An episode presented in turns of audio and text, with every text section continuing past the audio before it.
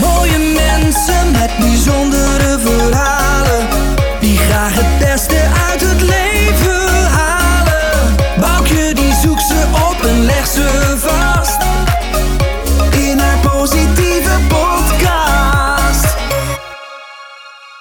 Dit is de Positiviteitspodcast. Mijn naam is Boukje Jongendijk en mijn gast van vandaag is Martine van Zijl Langhout. Martine is wildlife en dierentuin dierenarts. Sinds 1992 reist zij de wereld rond om met wilde dieren te werken en om zich in te zetten voor natuurbehoud. Op dit moment werkt ze als dierenarts in Artis en bij de Stichting AAP. En daarnaast geeft ze les, doet ze onderzoek en publiceert ze artikelen om mensen te inspireren anders naar de wilde dieren en naar zichzelf te kijken. Je kan Martine ook benaderen voor coaching. In september vorig jaar kwam haar prachtige boek uit. Dat heet Overleven in het wild en wat de wilde dieren mij leerden. In deze podcast en in haar, eh, in haar eigen boek neemt Martine ons mee naar haar avonturen in de wildernis als wildlife dierenarts in zowel Gabon als Zuid-Afrika. Haar missie voor natuurbehoud en hoe de dieren haar inspireerden. Het is een supermooi verhaal over je hart volgen, over dierenliefde, over vertrouwen hebben, positief in het leven staan en verbintenis met en voor de natuur en respect voor de natuur. Martine laat ons inzien dat mensen ook dieren zijn en dat we allemaal deel uitmaken van hetzelfde ecosysteem en het beste gelijkwaardig, dus naast elkaar, kunnen leven. Om onszelf te begrijpen is het essentieel om dierlijke eigenschappen aan ons mensen toe te kennen en het dier in onszelf te zien als kwetsbaar en krachtig wezen. Dat vertelt Martine ons onder andere. Ik wens je heel veel plezier met deze podcast. Hier is Martine van Zijl Langhout. Martine, goedemiddag. Heel hartelijk welkom in de Positiviteitspodcast. Ik ben eh, zeer vereerd dat jij eh, vandaag onze gast wil zijn. Uh, ik vind het leuk als je straks iets over jezelf wil vertellen. Maar ik kwam ergens op internet jouw prachtige boek tegen over leven in het wild. En uh, raakte geïnspireerd, ben het gaan lezen en heb toen contact gezocht. En uh, ik heb begrepen dat jij dierenarts bent voor zowel hele wilde dieren als ook voor dieren in een dierentuin of, of gedomesticeerde dieren. Je spreekt een hoop mensen toe met je inspirerende verhalen. En ik vind het heel erg leuk om vandaag met jou uh, het over je avonturen te gaan hebben. Nou, Woukje, hartstikke leuk om hier te zijn en uh, met heel veel plezier. Dus uh, het is een onderwerp naar mijn hart, denk ik, positiviteit. En dus ik kijk er naar uit. Leuk om je te leuk. spreken. Ja. Martine, ik ben zelf vanaf kleins af aan altijd ook heel erg gek geweest op dieren. En ik was eigenlijk benieuwd hoe bij jou ja, jouw dierenliefde is ontstaan. En uh, ja, met, met, met ook de bijzonderheid dat je natuurlijk ook je extreem bent gaan interesseren in wilde dieren. Kan je ons dat eens vertellen? Ja, het is heel interessant eigenlijk hoe zo'n leven ontwikkelt. Want dat kan je als klein kind natuurlijk helemaal niet bedenken. Mm-hmm. Dus um, ja, eigenlijk dat, die liefde voor dieren is er al mijn hele leven. Dus zolang ik uh, hersenactiviteit heb... Uh, heb ik dat. Dus uh, zolang ik herinneringen eigenlijk heb.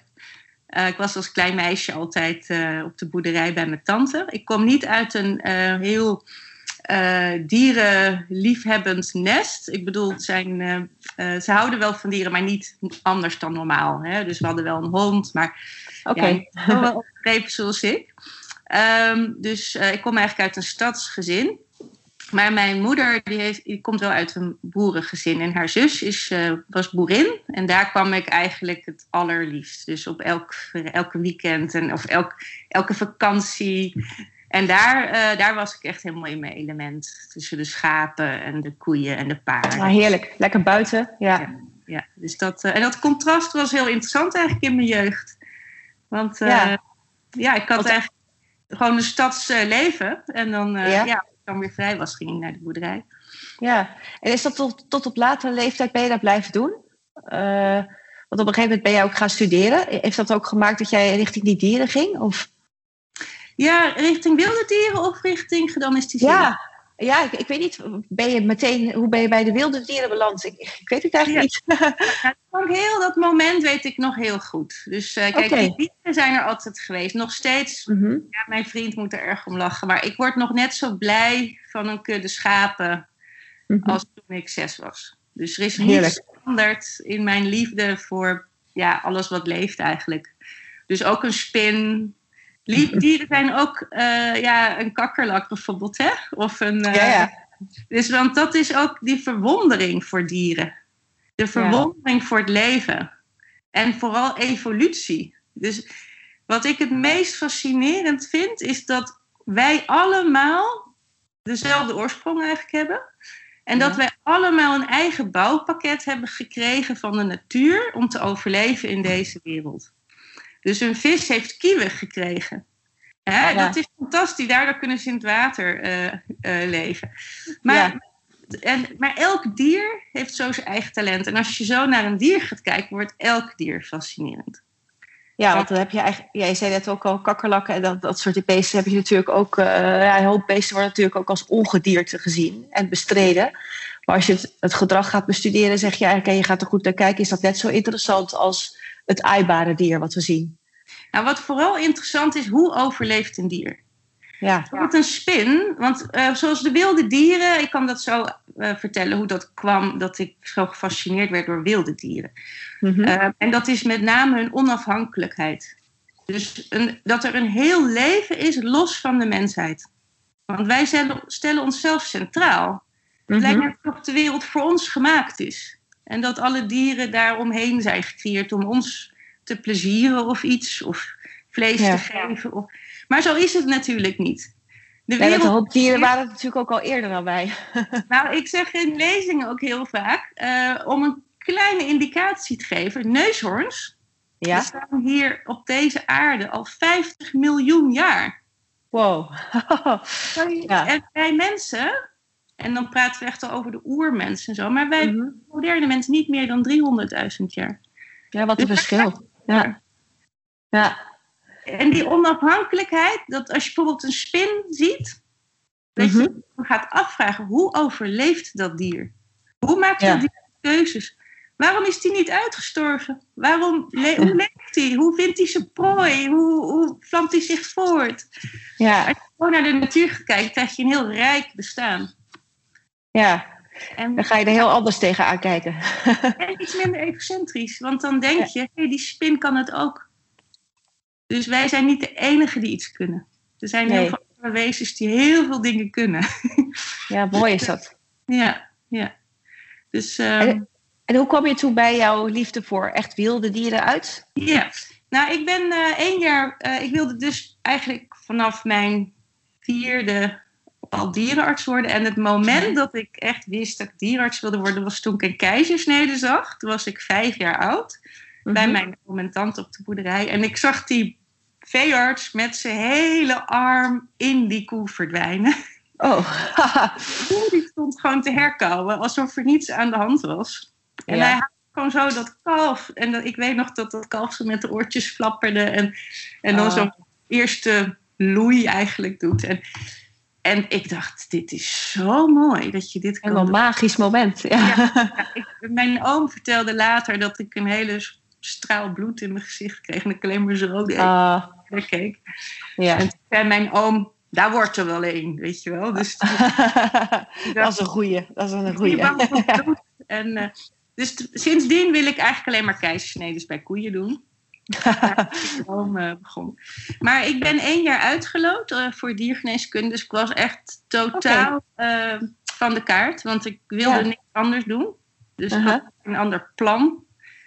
Ehm, en dit is ook wat ik in mijn boek omschrijf. Mijn, mijn boek gaat heel erg eigenlijk meer nog over hoe je in het leven kan staan dan over wilde dieren. Het, gaat, het is een samenloop, maar met name, dat was een hele belangrijke les voor mij. Ik werd uitgeloot en ik was ontroostbaar.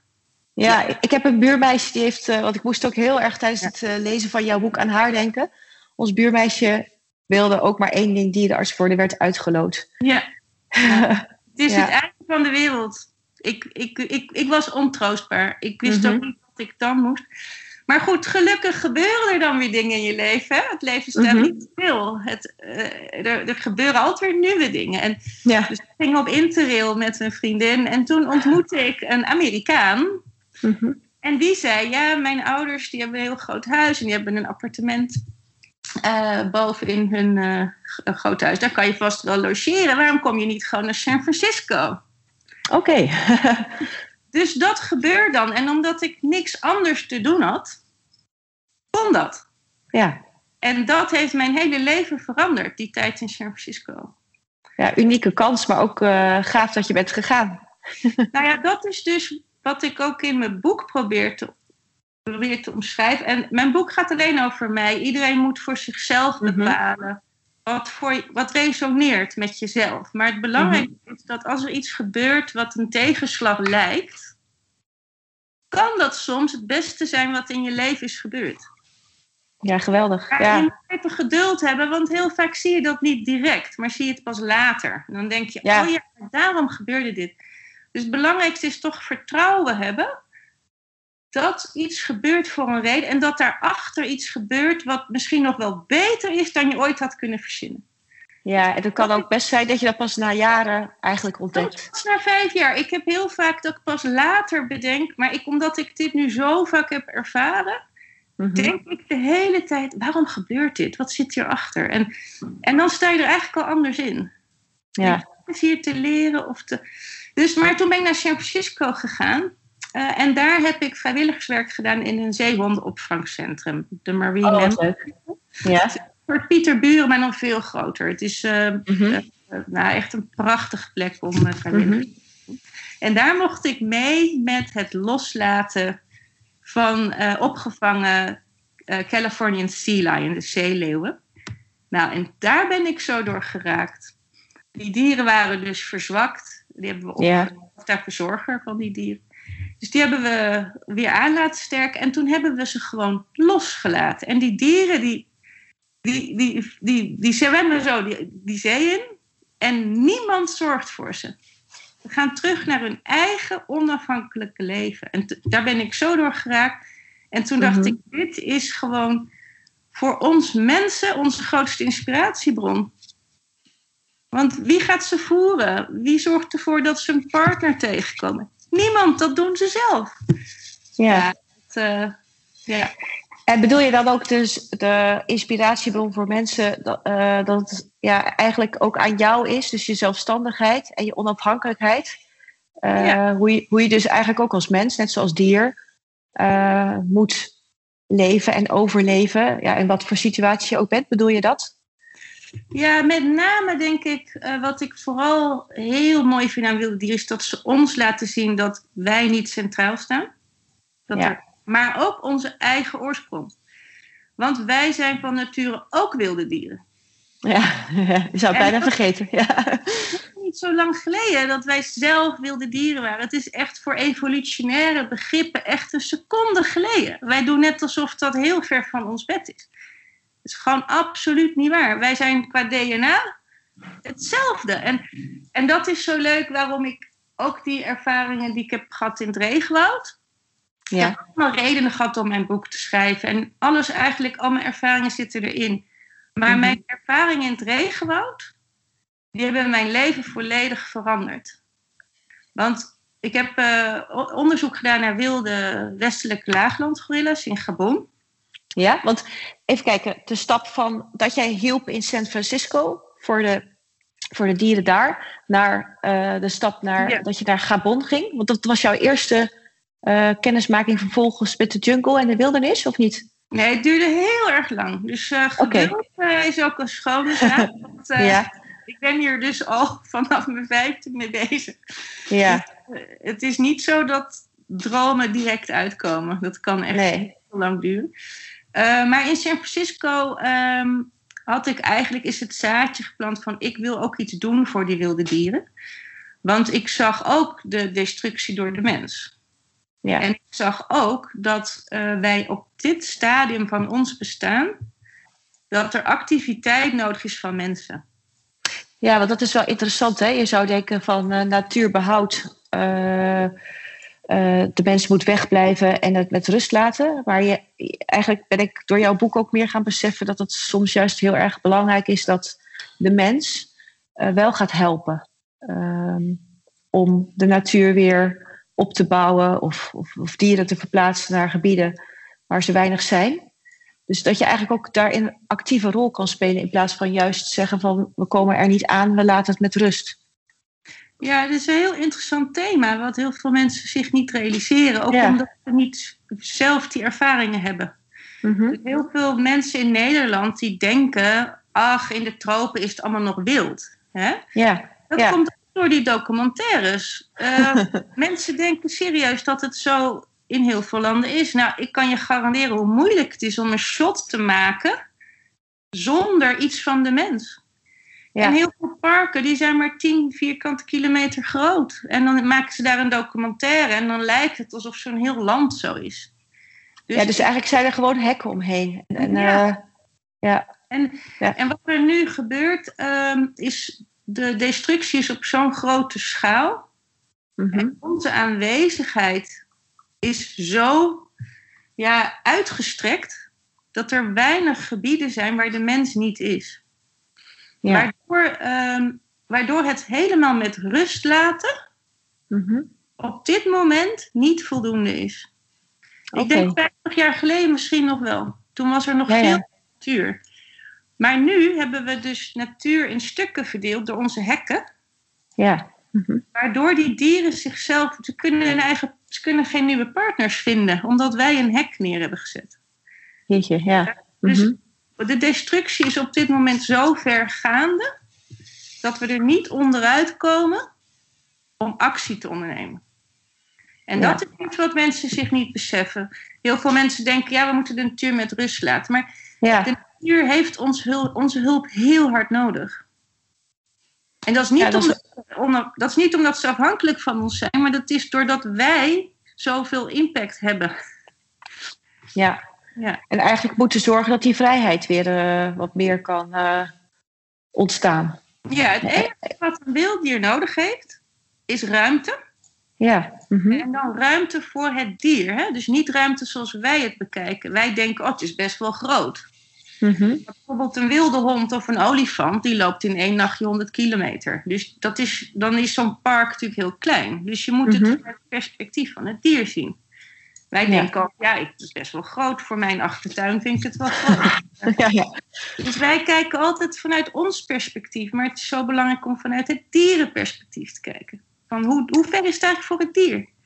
Ja, want eigenlijk daar ben ik wel benieuwd voor. Van, sommige dieren kunnen dus uh, heel veel, heel grote uh, afstanden afleggen. Maar kan je daar voorbeelden van geven wat bijvoorbeeld dan eigenlijk ideaal zou zijn voor een olifant of een neushoorn? Het zal voor elk dier weer anders zijn, maar dat wij ons ook meer beseffen van hoeveel vierkante meter dat wel niet moet zijn. Ja, het, het is niet zo zwart-wit, dat kan je niet zeggen. Het gaat ook om okay. wat voor habitat. Hè? Dus wat ja. is er te doen? Is er genoeg eten? Hè? Als je Mhm. mm -hmm. op de Noordpool zit, is een vierkante kilometer echt anders dan in tropisch regenwoud. Dus ja. het is heel genuanceerd. Maar wat een wilddier nodig heeft, is ruimte en geen mm -hmm. um, aanwezigheid van de mens. Hè? Dus echt ruimte, maar met name een ecosysteem. En dat vergeten mensen ook. Dat het en met ecosysteem, mag ik daar een vraag over stellen? Bedoel jij dan ook diversi biodiversiteit? Of ja. wat versta jij onder het ecosysteem? Alles, het ja, geheel. Dat is, uh, dat is ook wat ik in mijn boek probeer over te brengen. Dat, want we kunnen, het is een hele stap hoor, van San Francisco naar Gabon. Hè? Want ja. Mm -hmm. die stap, daar, daar, ik ben nog afgestudeerd als dierenarts. Ik heb tijdens mijn -hmm. studie heel veel stages gedaan in wildparken omdat ik wel dacht, het is een heel moeilijk pad om wildlife te worden. Dus -hmm. als ik nou maar zoveel mogelijk probeer, dan kan het in ieder geval niet aan mij liggen. Nee, nee, nee. Dat heb ik altijd als motto. Van, het kan nog steeds niet lukken. Er is geen garantie in het leven. Maar goed, dan ligt het in ieder geval niet aan mij of aan mijn inzet. Dus zo heb ik er altijd maar naar gekeken. Van, oké, okay, ik ga alles maar proberen en aanpakken. En elke kans. Dus ik ging elk jaar bijna wel naar een wildpark of een opvang, opvangcentrum. Of... Maar goed, tussendoor ben ik nog afgestudeerd. En ik heb 4,5 jaar als normale dierarts gewerkt, dus veearts. moest natuurlijk ook nog die keizersnede. Ja, dat moest natuurlijk ook nog even gebeuren. Ja, dat was, die keizersnede was echt uh, mijn, ja, fantastisch om mee te maken. Dat ik dat mocht gaan doen, dat ik veearts ben geworden. Ja. Um, maar later ben ik, uh, na 4,5 jaar, ik, had ik wel zoiets, nu wil ik wildlife dierarts worden. En was dat, dat Martine nog even, want het eerst dat voor de, de meer uh, tammere dieren, zeg maar even simpel, uh, had je ook grote passie. Maar had jij door dat moment van het loslaten op zee toch echt het idee van: ik wil uh, ook gaan proberen. Je vertelt dat die weg is best lastig om een plek te krijgen om voor wilde dieren iets te gaan betekenen. Ja. Dat, dat was echt wel jouw drive, dat was jouw, dat was jouw grote wens. Ja, mijn grootste wens, ja. Ja. Maar ja, je weet niet of het lukt, hè? Nee, nee. En dat is uh, voor iedereen moeilijk. Aan de andere kant zeg je wel, en dat denk dat dat ook gewoon in zijn algemeenheid een mooie les is. Je hebt wel zowat alles geprobeerd om uh, de ervaring op te doen met vallen en opstaan. En, en uh, jij ging elke keer weg en je hebt het jezelf niet makkelijk gemaakt. Dus je hebt ook wel uh, ja, er heel veel voor gedaan. Ja, het was zelfs zo dat ik er ook dood aan had kunnen gaan. Dus daar, zover ging ik wel. Ja, want even, even daarop, dat is natuurlijk behoorlijk heftig. Van, uh, ik heb uh, in je boek ook gelezen van ja, hoe vaak het toch wel, wel kantje boord is dat jij of wel andere rangers nou ja, niet geraakt worden of, of dat het allemaal net goed gaat.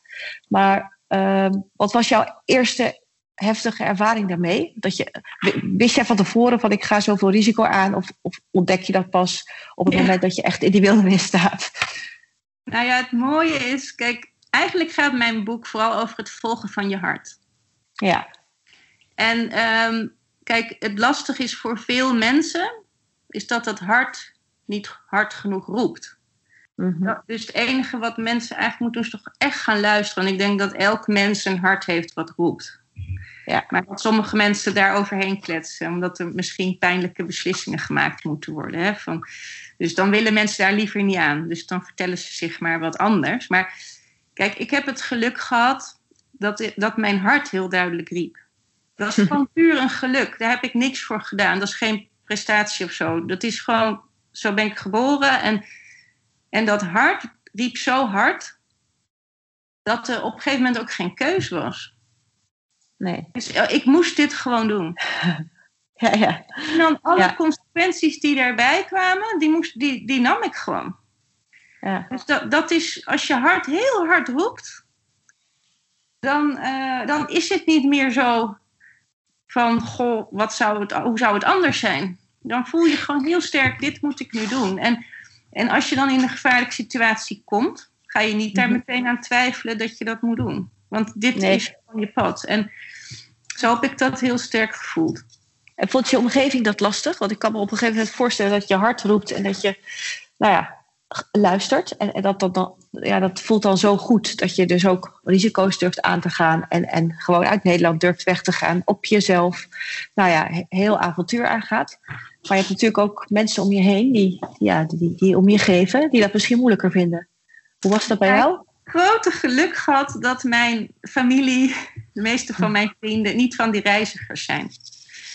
Dus ehm, mijn eh, ouders bijvoorbeeld, die wisten grote stukken. Ze hebben mijn boek gelezen, waardoor ze allemaal. Ik heb wel dingen verteld, maar ik vind het wel belangrijk om je thuisfront niet onnodig bezorgd te maken. Dus het is wel, ik denk dat dat mijn verantwoordelijkheid was. Ik ging die dingen doen. Eh, maar dat is best eenzaam, ja, want ik kon het niet helemaal goed delen. En, maar het is wel zo, je gaat eh, daarheen en ja, daar, ja, in een gevaarlijke situatie is het leven gewoon echt anders dan hier.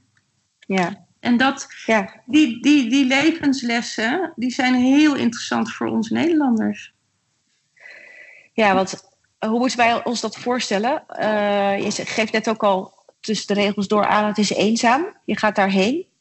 En het is, eh, ik denk bijna elke dag echt overleven. Dat er elke dag wel dingen kunnen gebeuren die echt spannend zijn. Anders dan dat wij eh, achter ons bureau eh, blijven zitten. Hoe heb jij die jungle ervaren? Heerlijk. Het is heel goed allemaal. En dit is precies ja, ik heb heel veel redenen om dat boek te hebben geschreven. Maar ik denk dat we er heel veel uit kunnen halen. Want de grap is. Mhm. ehm, ja, ik mis het nu ook wel. Want je wordt. Wij gaan nu allemaal op mindfulness eh, training, Ja. mediteren en al die dingen. En we zijn allemaal op zoek naar zingeving of waarom besta ik en al die dingen. Mhm. Nou, je Mhm. moet je voorstellen, toen ik in het regenwoud leefde, eh, wij liepen altijd over olifantenpaden. Want het regenwoud is niet doordringbaar. Dat is één dicht regenwoud. Dus dat zijn, zijn dat de paden waar de olifanten Ja. al zijn geweest? Dus dat de, de, de bosjes wat meer opzij zijn? Dat, je, dat, je, dat Ja, het is? Ja, eigenlijk, ze houden het open met hun lichaam. En daar Mhm. merk je dus al dat, jij, dat wij mensen niet anders zijn dan dieren. En wij Mhm. onderdeel zijn van een groot ecosysteem waarin alle dieren en alle, alle levensvormen met elkaar verbonden zijn. Dus wij hebben die olifanten nodig om ons te verplaatsen, bijvoorbeeld. Maar ehm, ja, elke dag liepen wij daar overheen en konden we olifanten tegenkomen. En wat Ja. er gebeurt, is dat je heel scherp wordt in je zintuigen. Dat had ik ook toen ik wildlife dierenarts werd in Zuid-Afrika. Dus daar moest ik elke dag wilde dieren verdoven, behandelen. Maar je geur, je reukvermogen en je zicht en je gehoor. Opeens realiseer je dat wij deze zintuigen hebben gekregen van de natuur, omdat we daarom overleven. Want je, Ja. en en eh, juist het feit dat het ook fout kan aflopen, Mhm. maakt het leven heel erg rijk. En heel erg in het moment. Maar ook, eh, je wordt heel dankbaar. Dankbaar Ja. voor je lichaam. Dankbaar dat je, want ik moest regelmatig rennen. ja. Eh, maar ik, dat je dan niet struikelt. Hè? Dat je ogen zien dan zo'n wortel waar je overheen moet springen. En je benen reageren erop en die springen dan net iets hoger. En gewoon het besef dat je een levend wezen bent.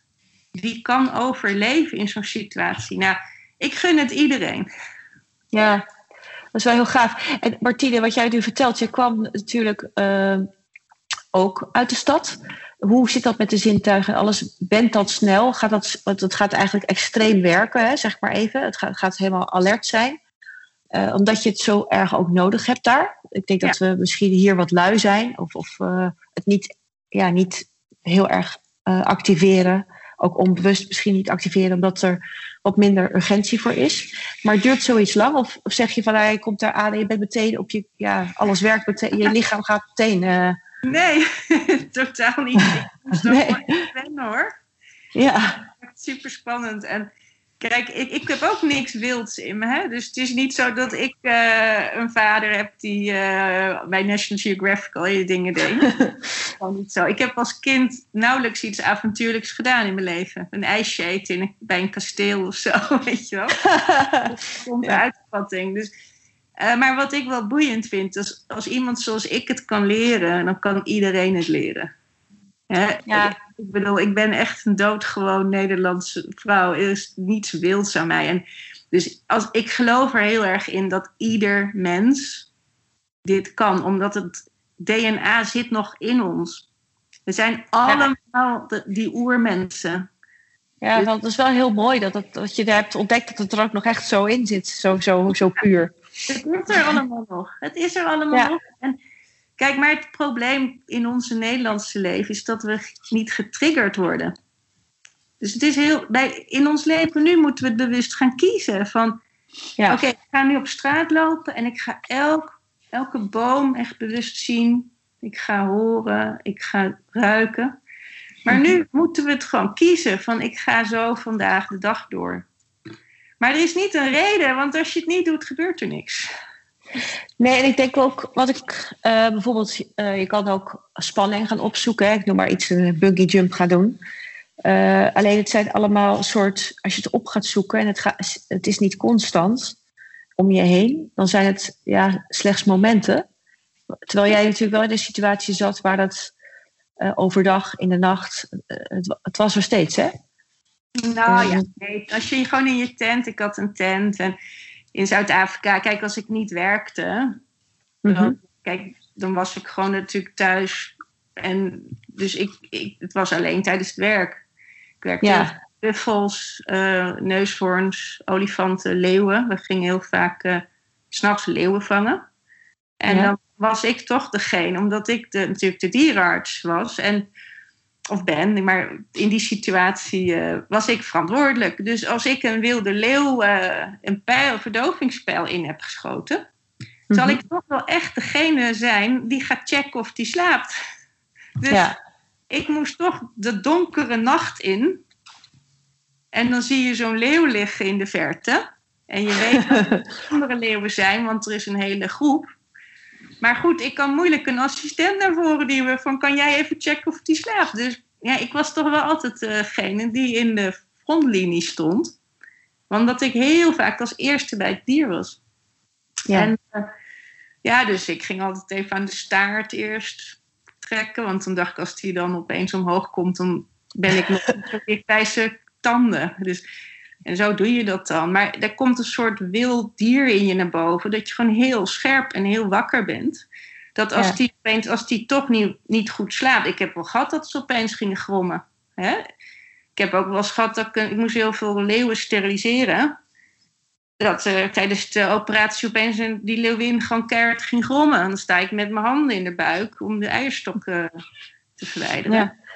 Dus het is Eh, gewoon- ja, je moet gewoon scherp zijn. Ja, even, even wat je nu ook vertelt over de dieren. hè. Zou je daar nog iets eh, voor de luisteraar ook iets over willen vertellen? Want waarom moest je bijvoorbeeld die leeuwen steriliseren? Waren er te veel? Of, eh, en en, en de, de leeuwen überhaupt, moest je ze verplaatsen? Wat, wat, wat, wat was zo al jouw werk? Ja, het is een beetje veel, hè? Misschien moeten we ons Ja. beperken. Ja, nou, misschien, misschien wel om even. Ik vind het wel leuk om een indruk te krijgen van eh, wat voor soort activiteiten je deed voor de dieren. Want het was soms als ze in een, in een val eh, bijvoorbeeld zijn verstrikt geraakt, proberen jullie ze weer, eh, nou ja, de, de verwondingen te. Maar dat, dat we een beetje de indruk krijgen van eh, hoe, hoe dat eigenlijk gaat. Ja, ehm, nou, ik runde een praktijk, een dierenartspraktijk voor wilde dieren in Zuid-Afrika. Ja? Bij het Kruger National Park, zo'n heel groot park met grens met Mozambique. En in dat Krugerpark heb je staatsdierenartsen, want dat is een national park. Dus daar heb je de, dat is eigenlijk de, de Zuid-Afrikaanse regering is daar beheerder van. Maar naast dat park heb je allemaal privé wildparken. Oké. En die, die parken hebben ook een dierenarts nodig. En eh, rondom eh, heel die regio eh, heb je allerlei privéparken en die belden ons. Dus ehm, mijn baas heeft die praktijk heel lang geleden opgericht. En ik heb die praktijk gerund. Dus eh, ik ging gewoon zelfstandig, eh, want mijn baas die ging verder met eh, zijn andere bedrijf. Dus die had geen tijd meer en die vroeg mij of ik zijn praktijk wilde runnen. Dus ja, wat gebeurt er op zo'n dag? Eigenlijk hetzelfde als in een landbouwhuisdierenpraktijk. Dus je Ja. kan gebeld worden voor van alles. Maar de- ik deed alleen maar wilde dieren. Dus eh 100% alleen maar wilde dieren. Dus, maar dan werd je 's ochtends gebeld. Ontsnappingen is een heel groot, eh, heel groot spoedgeval. Eh, Ja. En dat is tegenwoordig dus ook zo, hè, dat de gevaarlijke wilde dieren in de parken moeten blijven. Want een, een neushoorn die kan niet, als die uit het park ontsnapt, Mhm. buiten de parken zijn wegen, mensen, steden, dorpen. Dat gaat niet meer samen. Nee. Dat geeft al aan hoe het dilemma is. Ja. Eh, dat mijn taak was zo snel mogelijk die neushoorns terug naar het park. Buffels, hetzelfde. Olifanten, hetzelfde. Giraffen, eh, leeuwen, die ontsnappen ook wel eens. Het kan niet meer. Ze kunnen niet ontsnappen, want ze zijn daar niet veilig. Daar worden ze doodgeschoten. Mhm. Ehm, dus dat is, was een heel belangrijk onderdeel. Gelukkig was het niet dagelijks, maar was niet vaak. Maar als het gebeurt, is het echt allergrootste spoedgeval. Ja, het gaat natuurlijk ook over hele grote eh, afstanden. Ik bedoel, eh, die, die, die gebieden zijn vrij groot. Als daar iemand, eh, als dan een dier ontsnapt is, dan, dan is dat behoorlijke zoektocht, denk ik ook nog wel. Nou ja, helaas is het zo dat rondom de parken ook wel heel vaak meteen steden beginnen. Dus rondom het Ja. Krugerpark heb je echt enorme grote gebieden vol met mensen. Dus als die dieren ontsnappen, eh, komen ze wel vrij snel in contact met mensen. Ja. En eh, ja, eh, de, dat conflict tussen wilde dieren en mensen, dat is echt een groot thema. Omdat mensen niet accepteren dat dieren iets doen. Dus de, de, het dier is altijd, en dat is ook logisch, want mensenleven is ook meer waard in die zin. Dat je, je kan niet een mens eh, aangevallen laten worden door een leeuw. Dat is absoluut Mhm.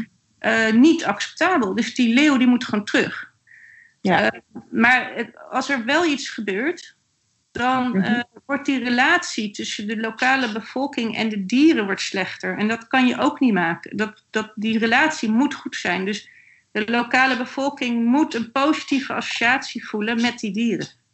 Ja, dat las ik inderdaad ook in jouw boek. Dat het heel belangrijk was dat ze bijvoorbeeld ook de, eh, ja, de apen als, als, als eh, King Kong zagen. En dan eh, ja, dat, dat er hele verschillende beelden van krijgen. Dat het dus eigenlijk voor de dieren ook niet goed is. Als, als er nou ja, gewelddadige die, beelden over de dieren zelf ontstaan. Ja, het belangrijkste is dat de lokale bevolking echt inziet dat het hun dieren zijn. En Ja. dat zij daar iets aan kunnen hebben. En dus ecotourisme en de mensen laten mee verdienen hè, met het toerisme is essentieel om Ja. überhaupt te, succes te laten hebben. Ze- Er, er moet een positieve associatie zijn. Als je honger hebt en eh, je hebt een paar kinderen en geen baan, kan je niet vragen om liefde voor een olifant op te brengen als je er niets Nee. aan en Ja. dat kunnen wij ook niet hebben als Nederlanders. Dus dat is eh, heel belangrijk voor natuurbehoud. Dus eigenlijk is ecotourisme in die zin ook, ja, omdat het ook natuurlijk inkomsten brengt, eh, belangrijk. Ik, heb dat, Ja. ja. ik, had, ik had daar ook een heel ander beeld bij. Dat vind ik ook wel mooi eh, hoe je dat uitlegt.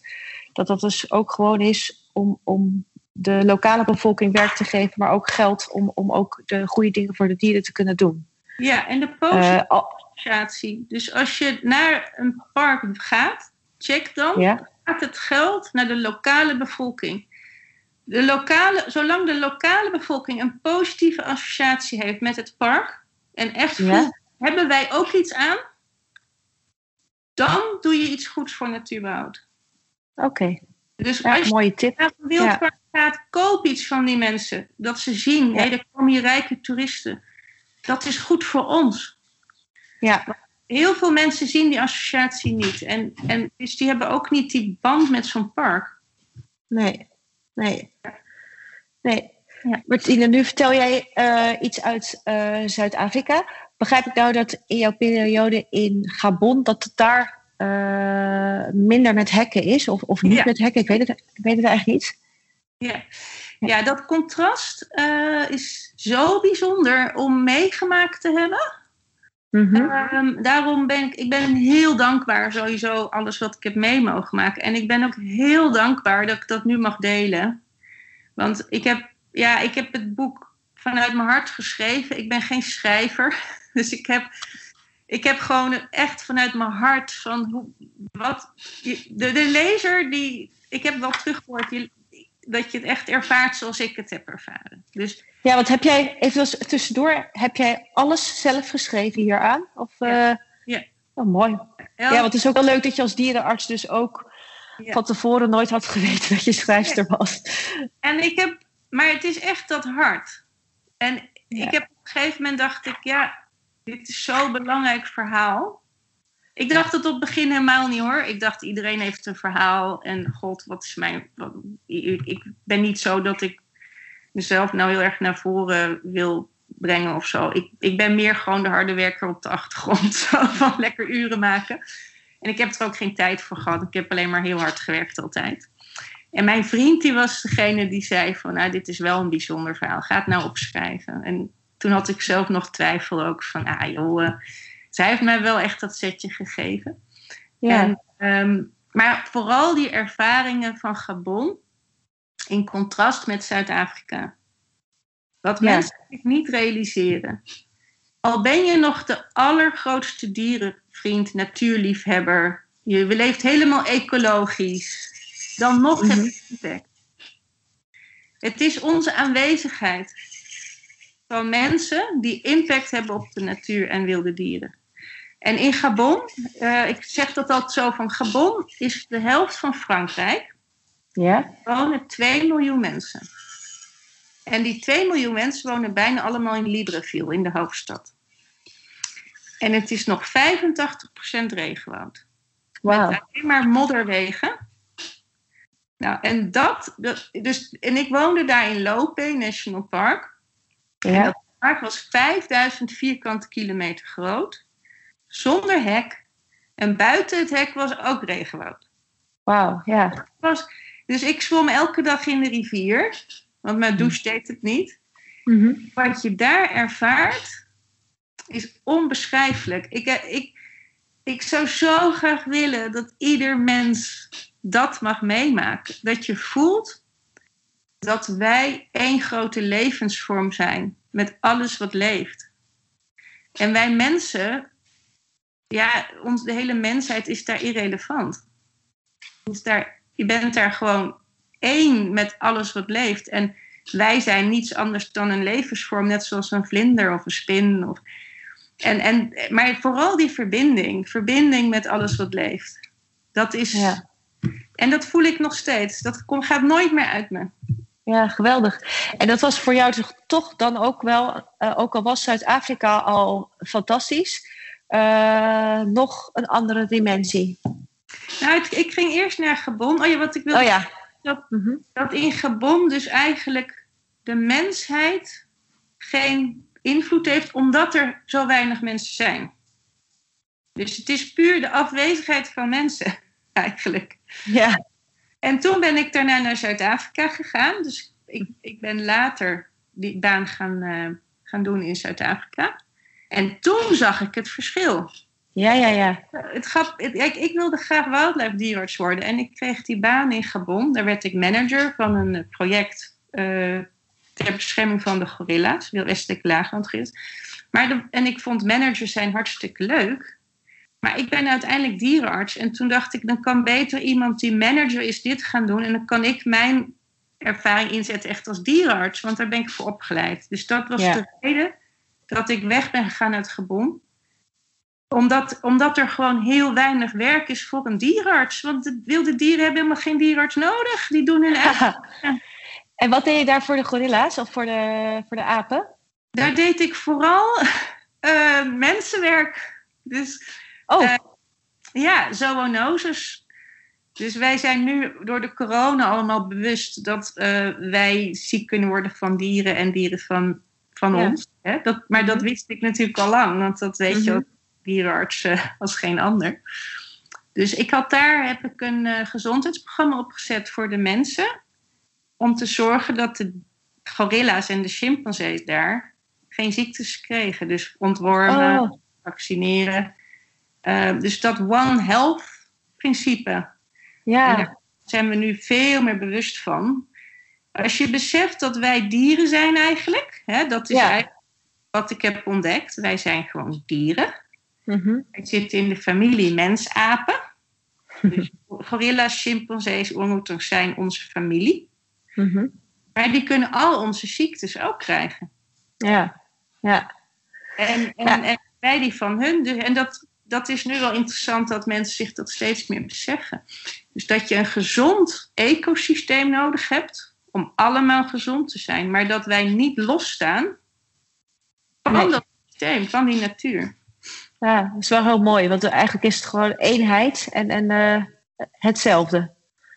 Ja, het en je is ziet eh, dus- één geheel. In Zuid-Afrika zag ik dus heel sterk door onze eigen impact of onze eigen invloed, doordat we hekken neerzetten, wegen, Mhm. steden. Mhm. Daar leidt de wildernis onder. Daar lijden wilde dieren onder. Ze kunnen nergens meer heen. Ze kunnen elkaar niet meer vinden. Ze leven allemaal op een postzegel. En het grootste werk wat ik in Zuid-Afrika deed, dus dat, dat contrast, mensen realiseren zich dat niet, dat ik in Zuid-Afrika heel veel werk had. Ja, Ik werkte ongelooflijk veel. Echt uren, van 's ochtends vroeg tot 's avonds laat, om maar dat werk gedaan te krijgen. En dan met name het verplaatsen van dieren ja. om teelt te voorkomen. Dus wij vingen vaak giraffen Mhm. bijvoorbeeld. En dan brachten we de giraffen naar een ander park, vingen we daar ook weer giraffen. En die brachten we dan weer terug naar dat andere. Om maar een beetje inteelt te voorkomen, want zelf kunnen ze niet meer lopen. Oh, toestand, ja. Dat Ja. is door ons gecreëerd. En dat besef is nodig om ook echt die actie daaraan te kunnen gaan verbinden. Ja. En zie jij dat het eh, met alle acties van mensen toch ook weer om het eh, ja, te verplaatsen? En, en zie je dat het beter gaat? Of, of, of, of zijn, hoe, ja, hoe is de situatie nu met de wilde dieren? In zijn algemeenheid, hè? We, hebben dit, ja, we, we, we moeten het eigenlijk meer hebben over positiviteit, Boukje. Ja, ja, ja, ja. ja. ik ben heel, nee, maar ik ben heel erg benieuwd van. eh, kijk, eh, het is best wel belangrijk om te zien wat, wat mensen eh, aan de ene kant hebben aangedaan. Maar aan de andere kant zie je ook dat, dat er gewoon een heleboel goede dingen zijn om de dieren wel weer ja, op de goede plek te krijgen. Ja, wat ik belangrijk vind is echt positiviteit. Dus Ja, kijk, met depressief zijn gaan we nooit iets bereiken. Dus dat, daar moet je van wegblijven. Je moet echt, het is echt belangrijk om te focussen op wat we kunnen. ja, En, eh, en ook wat we al gedaan hebben. En ik geloof heel sterk in mensen. Ik geloof, ik hou ook echt van mensen. Het is niet, mensen doen niet bewust kwaad. Hè? Het is gewoon, ehm, je zit ook in een bepaald patroon. En ik begrijp het ook wel. Mensen hebben drie kinderen, twee banen en proberen de ballen in de lucht te houden. Hè? Dus Mhm. ik heb daar begrip voor. Dat, dat is niet makkelijk om dan opeens je leven om te gooien. Maar wat belangrijk is, is toch te realiseren dat die actie nodig is. Mhm, En dat die actie nu nodig is. En niet over twintig jaar. Nu. mhm. En dat we dat kunnen. Want als je het Ja. gevoel hebt dat het kan, dan ga je het ook doen. Terwijl als je denkt, Ja. heeft dat toch geen zin, dan ga je achterover. Ach, alles gaat toch kapot en eh laat Ja. maar. Kan er Nee, toch precies. aan doen. Dat is niet waar. Wij kunnen ongelooflijk veel. En zeker als we samenwerken en verbinden met elkaar. Daar geloof ik heilig in. En we hebben het altijd over ver wegistan, hè, Afrika Mhm. en Azië. Maar laten we kijken in onze eigen achtertuin in Nederland. Hoe doen wij het in Nederland? Mhm. De insecten, de vlinders. Ik, ik wil echt meer activiteit zien. Ook, en ik ben er zelf ook mee bezig wat we meer kunnen doen. En ik, ik, ja, ik denk dat dat ten eerste heel goed is voor de aarde. Sterker nog, Ja. we hebben geen keuze, het moet. Maar als je toch egocentrisch wil zijn, hè, want de mens komt er toch niet vandaan, dus daar moeten we maar niet op hopen. Maar je wordt er zelf veel gelukkiger van. Ja, Dus als dat dan de reden is, zou ik zeggen, pak die dan. ja zeker.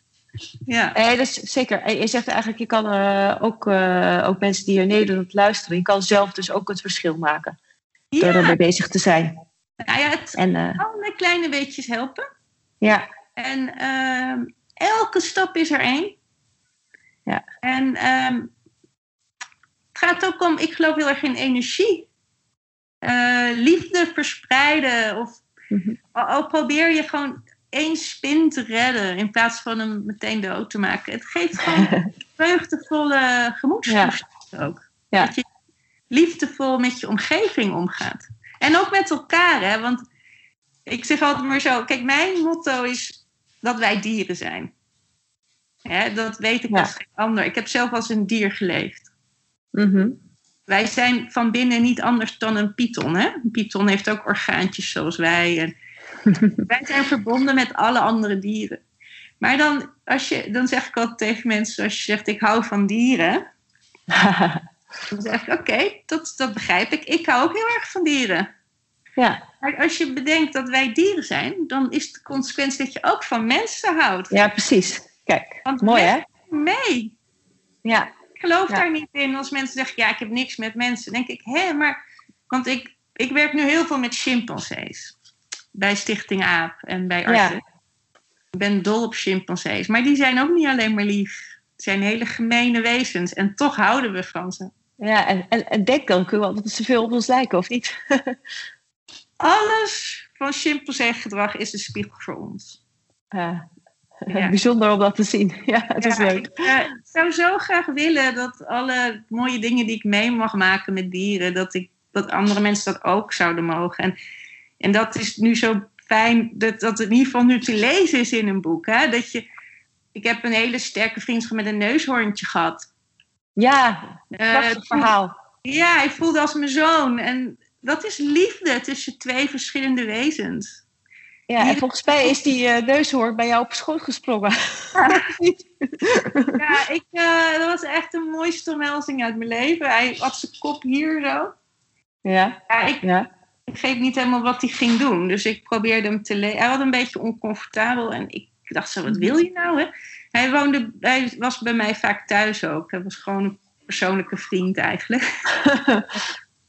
en eh, je kan echt hele mooie vriendschappen opbouwen met andere wezens. Hè? ja. En, eh, maar op een gegeven moment eh sprong hij bij me op schoot, ja. En hij bleef echt zo liggen. Dus ik heb een beetje op zijn rug zo geklopt. En in de hoop dat het gewoon heel lang zou duren. Ja, We hebben volgens mij wel tien minuten zo gezeten. ja, En, prachtig. eh, ja, was wel, en, maar dat doen ze bij hun moeder natuurlijk ook. Dus, Ja, ik vind het ook wel mooi, want kijk, eh, we hebben ook een hond en schapen hier lopen. En eh, die dieren zijn ook op een bepaalde manier, heb je een band met ze. En, en die kunnen zich ook, ja, zo'n hond kan zo, zo heerlijk bij je komen. Maar het is dan ook prachtig als een, ja, een wild dier, zo'n groot dier. Die kan dat in feite dus ook. Dat is wel heel bijzonder. En, en, en eigenlijk zie ik ook in je verhaal steeds terug. Je zegt, we zijn allemaal dieren en we zijn eigenlijk allemaal één. En eigenlijk ja, is het één grote cirkel die allemaal dezelfde dingen doen. Dat is, eh, ja, is toch heel bijzonder, vind ik dat. ja, wat Om, om je dat ook te realiseren. ja, wat ik wel probeer in mijn boek ook duidelijk te maken, is dat, dat het belangrijk is dat die dieren geen mensen zijn. Dus wij- wat wij doen, is heel vaak menselijke behoeften eh, op de dieren projecteren. Dus bijvoorbeeld een kat is een solitair dier, die wil geen gezelschap. En wij vinden het zielig als die alleen leeft. Maar dat komt Ja, omdat ja. maten zijn. En wij, wij leven graag in een groep. Ja. Dus dat is wel belangrijk, dat je constant je verplaatst. Wat is de behoefte van dat dier? Het is een hond. Wat wil die hond? En niet van Ja. wat ze willen. Nee, En dat is iets Nee. wat heel veel mensen nog in die zin moeten leren. Maar er wordt steeds meer bewustzijn, komt daar ook van. En ook door hele goede wetenschappers die er steeds meer over schrijven. Mhm. Eh, en ook bijvoorbeeld dat, dat neushoorntje is natuurlijk heel triest. Want die hoort bij zijn moeder. Dus Ja. het is onnatuurlijk gedrag om een band Mhm. met mij te hebben. Dus dat probeer ik ook continu uit te leggen. Dat wilde dieren niets met ons hebben. En dat dat ook goed is en dat dat zo hoort. En dat, dat, Ja. dat heel veel mensen vergeten dat, dat die dier, een, wild, een wild dier wil of vluchten of ons doodmaken. Maar niet, die willen niks met ons. nee. Eh, En dat is heel gezond. Dus, ja, ehm, maar dat vinden sommige mensen heel erg moeilijk. ja, Dat ja, is dat ja. dat is natuurlijk lastig. Uh, Martine, je hebt het al een paar keer gezegd. De reden eh, dat jij je boek hebt geschreven, het is je vriend geweest die gelukkig heeft gezegd van schrijf dat mooie verhaal op. Maar wat is voor jou de grote reden om het te delen? Uh, wat, wil je, wat is jouw missie met het boek? Misschien Ja, toch wel goed om even te zeggen. De grootste missie is echt liefde voor de natuur verspreiden. En begrip. Ehm, dus, eh, dat, dus hoe belangrijk natuurbehoud is voor ons bestaan, zowel fysiek als mentaal. Dus fysiek natuurlijk, wij kunnen niet leven zonder een ecosysteem. Mhm. Ik snap niet waarom mensen denken dat wij daar los van staan. Wij kunnen Mhm. helemaal niks. Zonder een gezonde leefomgeving omringd met andere levende wezens. Wij zijn deel van een ecosysteem. Ons hele lichaam is een ecosysteem. We Mhm. hebben zoveel bacteriën in ons. Ja. Eh, zelfs wij als individu zijn niet alleen. Je bent echt omringd met. Nou, ik, wil, ik weet de aantallen niet, maar je schrikt ervan hoeveel kilo Ja. bacteriën wij bij ons dragen. Dus dat, dat besef, eh, dus dat is de grootste reden in de hoop eh, dat wij met z'n allen gaan beseffen hoe belangrijk het is, maar ook dat we daarom daar ook iets aan gaan doen. En ik voel wel steeds sterker hoe belangrijk, hoe, hoe, eh, en met name begrip. Mhm. Ehm, en, dat, en ook dat het, zoals het hier in Nederland is, niet overal zo is. Dat er echt andere plekken zijn Mhm. ehm, waar mensen ook dichter bij de natuur nog staan. En dat we onge- ongelooflijk veel van die mensen kunnen leren. Dat Ja. het- ja. En als je zegt van, ehm, kan je mensen helpen als je zegt van dat we er ook iets eh, mee gaan doen, aan gaan doen? Heb jij kleine tips? Want eh, ik snap je verhaal heel goed. Eh, we hadden het er net even over van, je kan het op je eigen manier doen. Maar zijn er, ja, heb, heb jij daar voor mensen ook een idee bij wat ze kunnen doen? Als ze daar graag wat actiever mee aan de gang willen gaan. Ja, dat is heel lastig. Ik krijg die vaak, vaak, vraag vaak. Mhm. Nou, vooral eh, projecten steunen. Die Ja? goed doen. Dus echt zinvol. Echt zinvol. Mhm. Ehm, dus probeer gewoon eh, een bijdrage te leveren. En in je eigen leven, ja, wij moeten proberen te zien, als je bijvoorbeeld iets koopt, wat voor impact dat heeft. Ehm, dus eh, waar komt de kleding vandaan? Mhm. Eh, weet je, mensen die laden zich helemaal vol, eh, zakken vol op zondag bij H&M lekker shoppen. En na een paar Mhm. maanden is het weer weg. Besef je hoeveel impact dat op de natuur heeft? Lees je in. Maar er zijn ontzettend veel bloggers en zo die dat veel beter uit kunnen leggen dan ik. We hebben allemaal zo onze missie.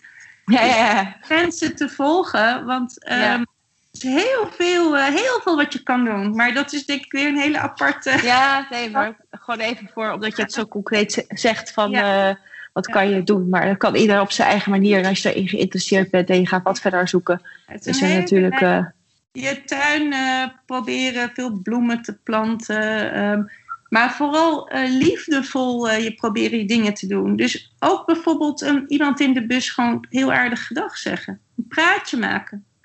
Ja, ik vind het ook leuk dat jij zegt, eh, zowel liefdevol voor dieren als voor je medemens. Dat, dat is. Ja, eh, Mensen geven het ook weer verder. Dus als Ja. je een heel aardig praatje hebt gemaakt in de bus, dan gaat die persoon ook weer aardiger doen. En, en mensen die goed in hun vel zitten, die, die denk, ik denk dat die automatisch wel van nature goede dingen gaan doen. ja, en Weet ook in de. zo zit. Van, eh, Ja, eh, dus we hebben met z'n allen misschien ook een beetje liefde nodig. Zeker in deze periode. Hè? Er zijn heel veel mensen die het ongelooflijk zwaar hebben. mhm. Eh, er gebeurt heel veel nu in Nederland. En ik, ik, wat ik ook in mijn boek omschrijf, is dat individualisme eh, een soort valse eh, onafhankelijkheid is. Want wij zijn primaten. En primaten die willen verbinding met andere primaten, met soortgenoten. Dat is ons natuurlijke zijn. zit erin. Ja. Dus, en je ziet ook als mensen het moeilijk hebben, Mhm. die verbinding weer zoeken. En dat, vind, dat is ook mooi in deze tijd. Dat mensen Ja. weer elkaar zoeken en ook weten, kwetsbaarheid. Hè? Ehm, Ja. dat is ook een thema in mijn boek. Kwetsbaarheid en vergankelijkheid. Dat we hier maar heel kort zijn. Ja. ja, allemaal hele mooie dingen die eh, ja, eigenlijk de essentie van het leven weergeven. Om daar eens bij stil te staan. Ehm, in je boek zitten namelijk ja, al die dubbele lagen. Ik vond dat eh, prinses Irene heeft iets over jouw boek geschreven. Die was ook heel erg, eh, ja, daar heel erg enthousiast over. En zij schreef ook van, het is ook een verhaal van verbinding en van ehm, eh, bewustzijn. Dus al die mooie dingen, die zitten in jouw boek. Ehm, als we dan nog kijken van eh, dieren, beelden dieren als inspiratiebron, dan kan je een heleboel van leren. Wat is voor jou eigenlijk de grootste eye-opener of les van die dieren geweest? Nou, heel veel. Ja, Eh, ik kan er een boek over schrijven. ja, ja, ja dat is helemaal te vinden hierin. Maar wat, Ja, vond jij, wat heeft jou echt, wat was voor jou nieuw of, of, of, of Ja, Ja. ja, wat belangrijk, bijvoorbeeld oefenen. Hè? Dat, dat mensen denken, mensen hebben hele rare ideeën over het leven ook. Hè? Van, die denken, wilde dieren kunnen alles van nature. mhm, Ja, dat is niet zo. Een wild dier oefent. Dus, eh, en dat, als wij iets oefenen heel veel, worden we er vanzelf goed in. Maar wij verwachten soms dat we het meteen kunnen. Dus misschien is dat ook wel iets dat mensen denken van nature hoor ik dit te kunnen. Dat is niet waar. Een, een tijger die oefent eindeloos op jagen, eindeloos. En dan, wordt hij, dan bereikt hij op een gegeven moment perfectie. En dat is iets wat ik van wilde dieren heb geleerd. Van een, je krijgt een talent. Een tijger heeft een talent gekregen. Want de DNA van een tijger is een jachtdier. Hè, die Mhm. Die, dus dat doden van een dier zit natuurlijk in dat dier. Maar dat kan die niet meteen. Die begint van jongs af aan oefenen, oefenen. En gewoon uren maken, uren maken, uren maken. En dan op een gegeven moment krijg je perfectie. Nou, dat heb ik zelf gezien met het schieten van verdovingspijlen.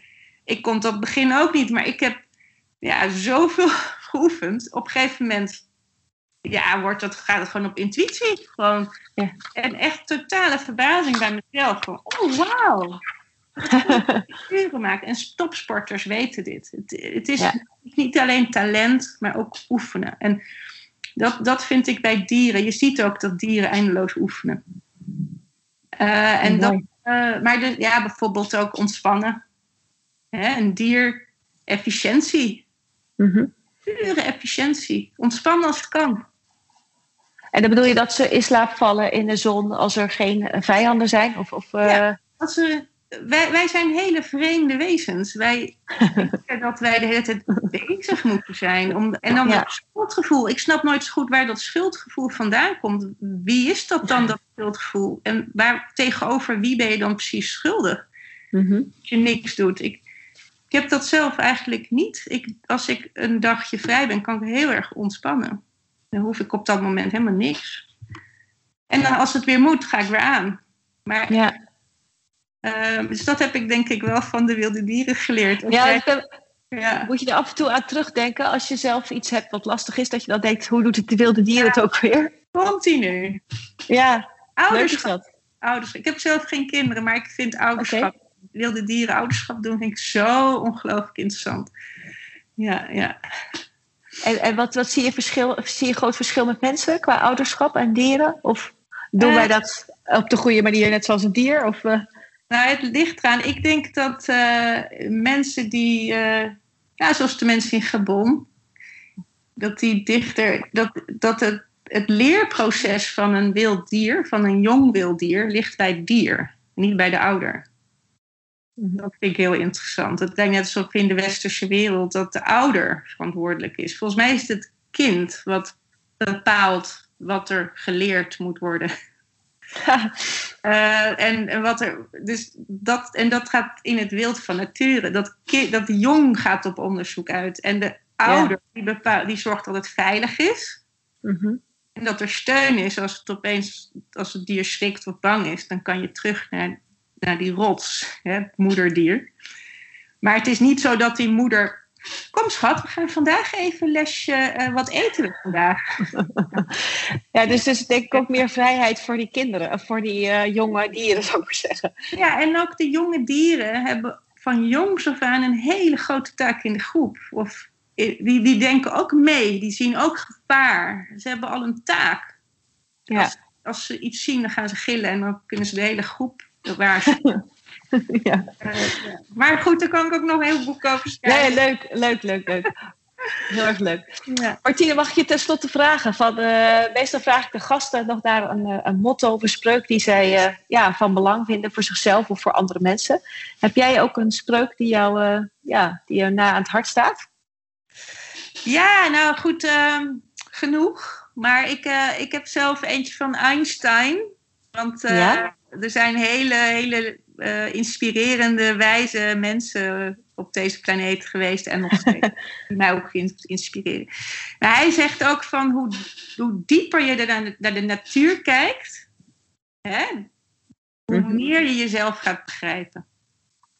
En ehm, eh, dat, dat is echt waar.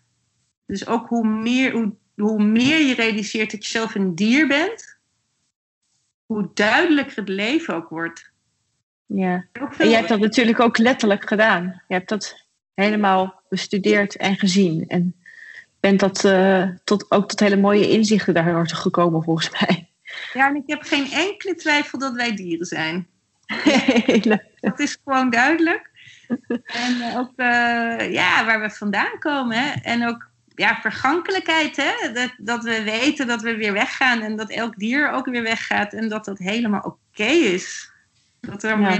De circle of life. ja, heel mooi. Ja, Ja, heel bevrijdend. erg mooi. Heel ja. bevrijdend. Ja. Als jij nog een grote wens zou mogen doen voor het dierenrijk zelf, wat zou dan uh, wat zou, wat zou je wensen voor de toekomst? Voor de, ja, in, in de komende 50 jaar? Nou, ik hoop dat alle prachtige diersoorten en ook planten, hè, daar hebben we het nog niet eens ja. over gehad. En mm microben, wormen, de bodem, hè, de bodem. Mhm. Echt, dat heeft heel veel aandacht nodig in Nederland. Ja. ja. Uh, insecten, waar ik, waar ik, wat ik hoop, of waar ik, wat mhm. mijn ideale wereld zou zijn, is dat wij mensen in harmonie kunnen leven met al die andere soorten. En dat die, dat die andere levensvormen ruimte krijgen om volledig hun eigen leven te leven. En dat wij zelf die de natuur gaan omarmen. Dus dat we ecologische landbouw doen. Waardoor die bodem gezond blijft en wij toch eten hebben. Maar dat het veel meer duurzaam en ecologisch is. In balans met de rest. En niet alleen maar wij willen iets. Dus het moet op die manier. ik denk dat het voor ons mentaal ook wel heel goed zou doen. Ja. Dus daar hoop ik op. Ik denk ook wel, er zijn zoveel goede initiatieven tegenwoordig. Ik heb er alle vertrouwen in. Um, maar ja, ik hoop dat het wat sneller. Ik wil altijd toch uh, ontwikkeling zien. Maar we zijn al zo anders dan vijf jaar geleden bezig, denk ik, in Nederland. Ja, mooi. Ja. En uh, jouw uh, verhaal helpt daar ook weer een hoop mensen mee te inspireren. Dus dat is fantastisch. Heb jij zelf nog iets toe te voegen wat je kwijt wil? Of zeg je van. nee hoor, ik vond het hartstikke leuk met je te praten. Ja, Misschien een beetje ook. hak op de tak. Uh, ja, ik vind het zo fijn om die dingen allemaal te mogen delen. Omdat ik, maar het liefst zou ik willen dat iedereen het zelf mag meemaken. Uh, Maar goed, het enige wat ik kan doen is toch uh, delen wat, wat de wilde dieren ons allemaal te vertellen hebben. Dus dat doe ik met heel veel liefde. En ja, ehm, ja dat, dat vind ik alleen maar heel erg leuk. Dus dank je Ja, en ik denk ook, misschien is dat toch wel leuk om even te vertellen. Want ik ben ja, heel erg enthousiast over je boek. Uh, ik denk dus dat het uh, heel veel inzicht geeft in uh, nou ja, hoe dat werk eruit ziet van jou, maar ook hoe, hoe dat met de wildernis in het echt dus is. Hè? Wat we dus niet uit films halen, maar om eens echt te lezen hoe, hoe is dat nou. Dus al die prachtige dubbele laag in boek. Ik vind het ook heel erg gaaf. Ik heb zelf kinderen van uh, 10 en 12, om het daar ook aan te vertellen. Want het is gewoon, ja, het opent toch je ogen op een hele mooie manier.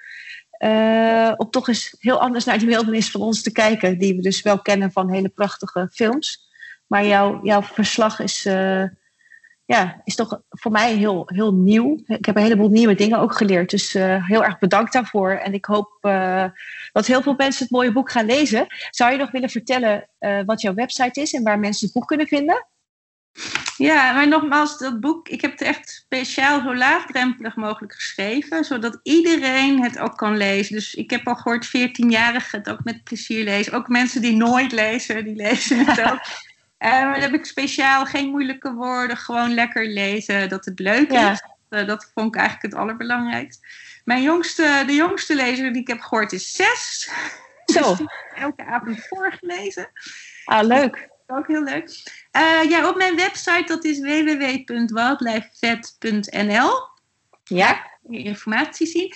En wat ik zelf heel erg leuk vind, is dat het Wereld Natuurfonds mij zelf benaderd heeft uh, om mijn boek te mogen verkopen, omdat het precies bij de missie past. Nou, een groter compliment. Ah, geweldig. Ja. ja want wauw, dat, dat was echt zo ontzettend bijzonder. Dus Wanneer heb je dat gehoord, Martine? Recent? Of, uh... Ja, uh, vorige maand geloof ik. En oh, zij, gefeliciteerd. Ja. ja, zij verkopen het nu op hun website. Dus uh, okay. als je naar het Wereld Natuurfonds gaat, webshop. Ja. dan vind je mijn boek. En als je het daar bestelt, steun je dus het Wereld Natuurfonds. Nou, dan heb je mij dus een ongelooflijk plezier gedaan. En ja. ik zeker het Wereld Natuurfonds ook. En dat, ja, dan komt het allemaal samen. Dus ik zou hem lekker daar bestellen als je wil. En hartstikke leuk en niks hoeft. Uh, maar, uh, en, en ja, verspreid de boodschap, liefde voor de natuur. Ik denk dat dat het belangrijkste ja. is. En iedereen mag heel... manier vinden. Ja, ja, leuk. Hartelijk bedankt voor jouw mooie gesprek. Heel veel succes met al je, ja, al je eh, inspiratie voor anderen. En ook voor je zorg voor de dieren en de natuur. En uh, ik ontmoet je heel graag nog een keer in het echt. Ja, heel graag. En jij succes met jouw podcast. Hè? Echt superleuk. Dankjewel, Martina. Dit was het mooie verhaal van Martine. Martine, hartelijk bedankt voor je deelname aan dit gesprek. Ik heb ervan genoten en ik heb eh, met heel veel plezier je boek gelezen. En beste luisteraar, het was fijn dat je er weer was en ik hoop je nog vele keren met leuke gasten te kunnen verrassen. Ehm, verder hoop ik dat dit verhaal ook eh, mensen eh, inspireert om anders naar dieren, de natuur, maar ook naar jezelf te kijken. En zoals Martine het zo mooi zegt, we kunnen nog heel veel leren van die wilde dieren, van spin tot olifant. Ben je nou heel erg benieuwd naar het boek van Martine? Dan kan je dat bestellen. Dat kan via haar website wildlifevet.nl. Ik zal het even spellen. W-I-L-D-L-I-F-E-V-E-T.nl. Je kan het ook bestellen via de website van het Wereld Natuurfonds. Dan ga je naar wwf.nl, naar de webshop onder het kopje boeken en daar vind je haar boek ook. Maar we hebben nog iets leuks. Wil je kans maken op een van, het, uh, van de boeken van uh, Martine? Dan is het ook een mogelijkheid om mee te doen aan onze winactie. En die kan je vinden op mijn website boukjejongendijk.nl slash wilde dieren. Schrijf je in, doe mee en dan kan je meedingen naar dit mooie boek. Een echte aanrader voor in de zomervakantie. Nou, dit was hem weer. Graag tot over twee weken en een hele fijne dag gewenst. Tot ziens!